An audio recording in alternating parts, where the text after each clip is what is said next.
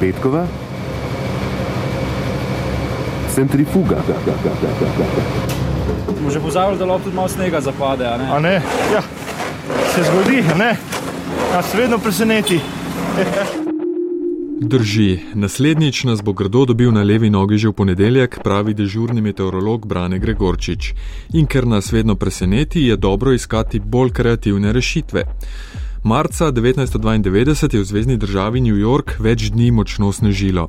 Skupaj je zapadlo dobre 4 metre snega in zameti so popolnoma ustavili mesto Syracuse, zato je bilo treba ukrepati. Mestni svet je zasedel na izredni seji, na kateri so odločili, da z dvigom rok v veljavo stopi sledeči sklep. V imenu od snega utrujenih prebivalcev mesta Syracuse je vsako nadaljne sneženje v mestu do 24. decembra izredno prepovedano.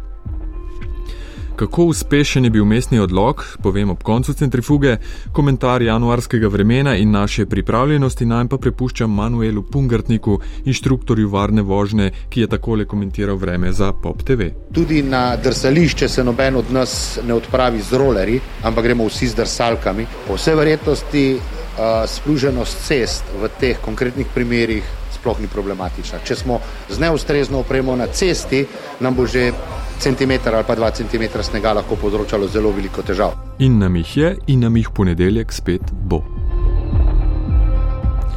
Zim, kot je bila tista leta 92 v Syracusu, pa tudi kakšna naša, nismo več vajeni.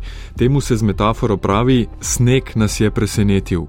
Ugotavljamo že leta s približno istimi besedami. We are flirting with climate disaster.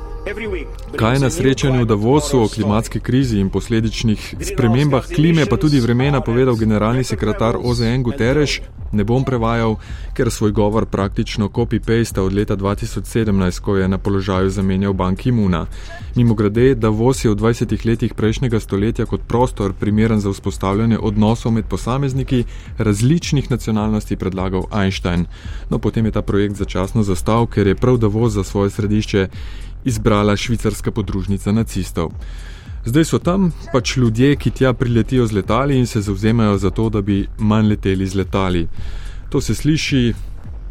Pustimo. Ja, poleg zimzelenih tem, ja, namenoma izbrana besedna zveza, veljaki iz vsega sveta rečejo tudi kako modro o aktualnejših oziroma še bolj aktualnejših temah.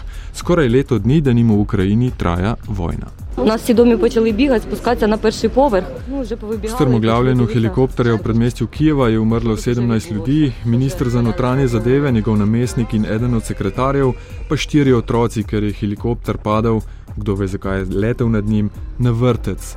Mama, ki smo jo slišali malo prej, je opisovala prizor z golimi trupli, razmetanimi igračami in oblekami ter kričanjem. Šlo naj bi za nesrečo. Medtem iz Moskve prihajajo kritike če dalje izdatnejše, predvsem vojaške pomoči Ukrajini. Lavrov, ki je že skoraj dve desetletji zunani minister Ruske federacije, je na svoji letni novinarski konferenci obsodil politiko Washingtona in jo primerjal s tisto Napoleona in Hitlerja. Сейчас тоже Соединенные Штаты сформировали э, коалицию из практически всех европейцев.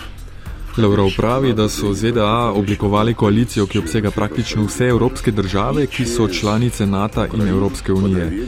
Ukrajino izrabljajo, da se bojujejo proti Rusiji z eno samo nalogo, nalogo dokončne rešitve ruskega vprašanja.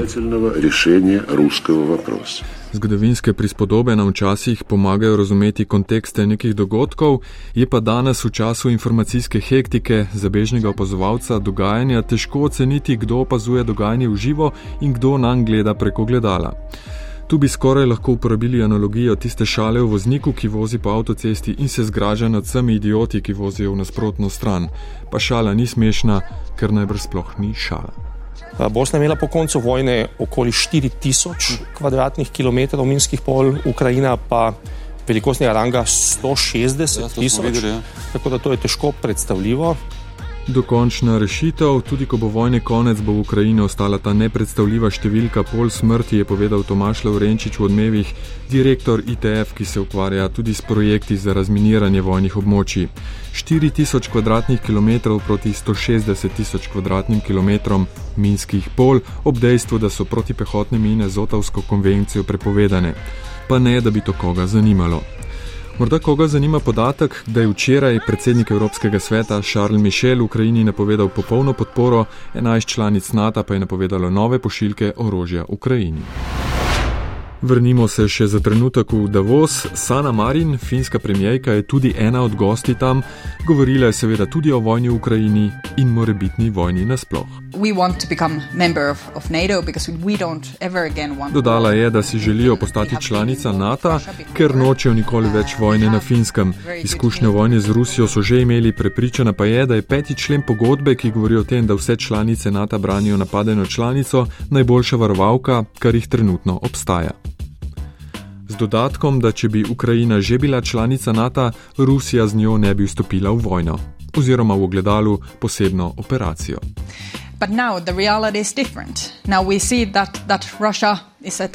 Dodaja še Sana Marin, da je Finska imela delujoč odnos z Rusijo, ker je po sili razmer njena soseda, ampak Rusija je vojaško napadla svojo drugo sosedo in zato se več ne morejo zanašati na dosedanje odnose ter poiskati partnerstvo drugje. Oziroma, kot je povedal polski publicist in prevajalec Nikodem Ščegovski, težko je iz relativno varne oddaljenosti soditi o odločitvah držav, ko nisi v njihovi situaciji, čeprav iz zgodovinskih izkušenj tudi mi razumemo stavek, ki ga je povedal. Pa ne moremo pobegniti iz zemljevida. Ne, ne zemljevida se res ne da pobegniti.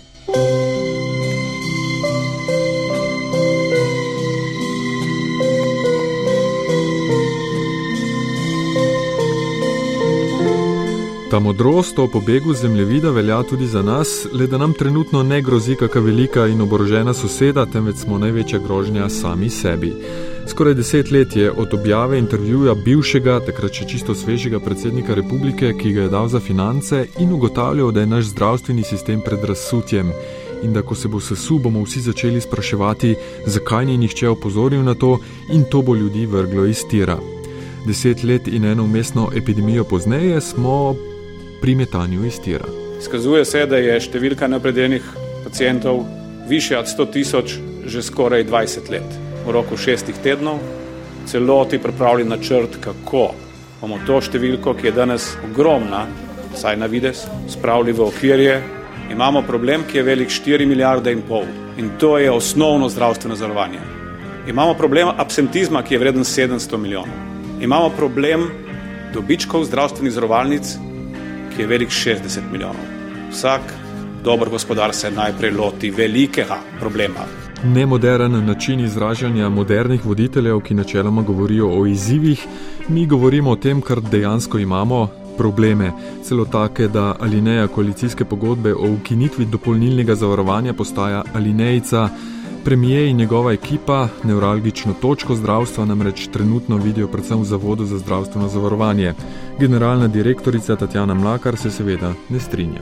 Zavod za zdravstveno zavarovanje je nadziran, je preverjan in posluje skladno za veljavno zakonodajo.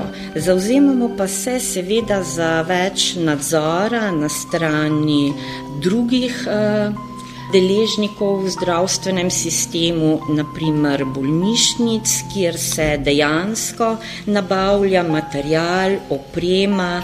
Med klic 4,5 milijarde je rang velikosti tretjine slovenskega proračuna. Najbrž je to kar veliko. Skratka, serijo gordijskih vozlov bomo zdaj rešili z aneksom k koalicijski pogodbi, ki naj bi ga dobili v dveh tednih. V njem bo tudi časovnica, da bodo gordijski vozli pretežno posekani do leta 2025 in takrat bomo nekje v bližini estonskega modela. Estonski model je, za lažje razumevanje, metafora, ki nam pove približno toliko, kot nam je nekoč povedala metafora nemško-francoski vlak. Ima pa vlada še vedno zaupanje, pa hkrati tudi zavezo javnosti, da bo situacijo rešila. Ministr za zdravje ima tudi zaupanje kolegov in šefa. Je pa res, da ta trenutek najbrž ni optimalen za iskanje kakih drugih kadrov. Vsak morebitni kandidat za ministra za zdravje bi ob nagovarjanju ali bi postal minister najbrž odgovoril, da ni bolan, da bi sprejel tako funkcijo. Vemo, da so te reforme tako pomembne, pa hkrati tudi tako boleče za marsikatero interesno skupino. Hočemo, da je ta zaveza, da bomo reforme izpeljali, dosežena na najširšem nivoju znotraj koalicijskih strank. Zelo se strinjam z oceno, da tukaj stopamo marsikateri interesni skupini na žul. Uh, jaz moram reči, da sem bil tudi sam presenečen danes, ko sem nekatere številke v tej analizi videl, kako denar iz zdravstvenega sistema odteka. In danes je minister predstavil nekaj teh presenečenj, največje presenečenje pa bi bilo, da bi nam presenečen zmanjkalo. Ampak presenečen zagotovo ne bo zmanjkalo in zmanjkalo tudi ne bo napovedovanja reform, Osem mesecev globoko v mandat vlada napoveduje usklajevanje glede serije reform, najbrž nekoliko pozno, a hkrati je s svojimi deplasiranimi referendumi opozicija ponudila alibi. Šele zdaj se je namreč vlada sestavila po svoji podobi. In ta podoba bo zdaj zres potrebno reformo reševala tudi sistem plač v javnem sektorju. Še pred nekaj tedni se je zdelo, da največja grožnja temu sistemu grozi z njegovega vrha, kjer se je vlada dogovarjala s Fidesom. No potem je vlada v skladu s predvoljivnimi zavezami to grožnjo s popolnim razpadom predstavila na plačno dno. Predcenila je naše fiskalne predispozicije, kar seveda ne pomeni, da dvig minimalne plače ni upravičen, gotovo pa v kombinaciji s kako občinozborsko obljubo po dodatkih neki drugi skupini pomeni, da je naš sistem plač v javnem sektorju dokončno eksplodiral. Ko se je sodnikom takole na občinem zboru povečalo, takrat je izbilo dno pri upokojenskih društvih in takrat so deževali klici k nam na zdus, ja za božjo voljo. Ja, dejansko upamo na milost in božjo voljo in hkrati vnaprej predlagamo ministra ali ministrico, ki bo uspela uskladiti vse interese, ukolikor toliko vzdržno reformo za Nobelovca za ekonomijo. Vrsta pred javno blagajno je namreč daljša kot vrsta ljudi brez osebnega zdravnika. Ampak, če se vrnem na začetek centrifuge, vedno obstaja rešitev, kot jo je sprejel mestni svet Syracuse. Z odlokom lahko tudi mi uveljavimo, da sneg ne sme več padati, ker smo ga naveličeni, in apliciramo ta odlok še na kako drugo sitno zadevo. Onkraj luže je sneg potem sicer zapadel dva dni pozneje, s čimer je kršil odlog, so pa svetniki naknadno razložili, da bi bil mišljen bolj kot šala, ki bi morda vsaj malo razvedrila od snega utrujene prebivalce. Mirta Berlan in Tadej Košmrl sva pripravila današnjo centrifugo, zdaj pa greva tiščat pesti, da naši odloki, ko bodo upisani v anekse koalicijske pogodbe in ko bodo zreli za implementacijo, ne bodo zgolj odloki o prepovedi sneženja zaradi zime, ker že zdaj vemo, da čeprav mišljeni kot duhovitost, to vrstni odloki in še bolj odlogi ne bodo smešni.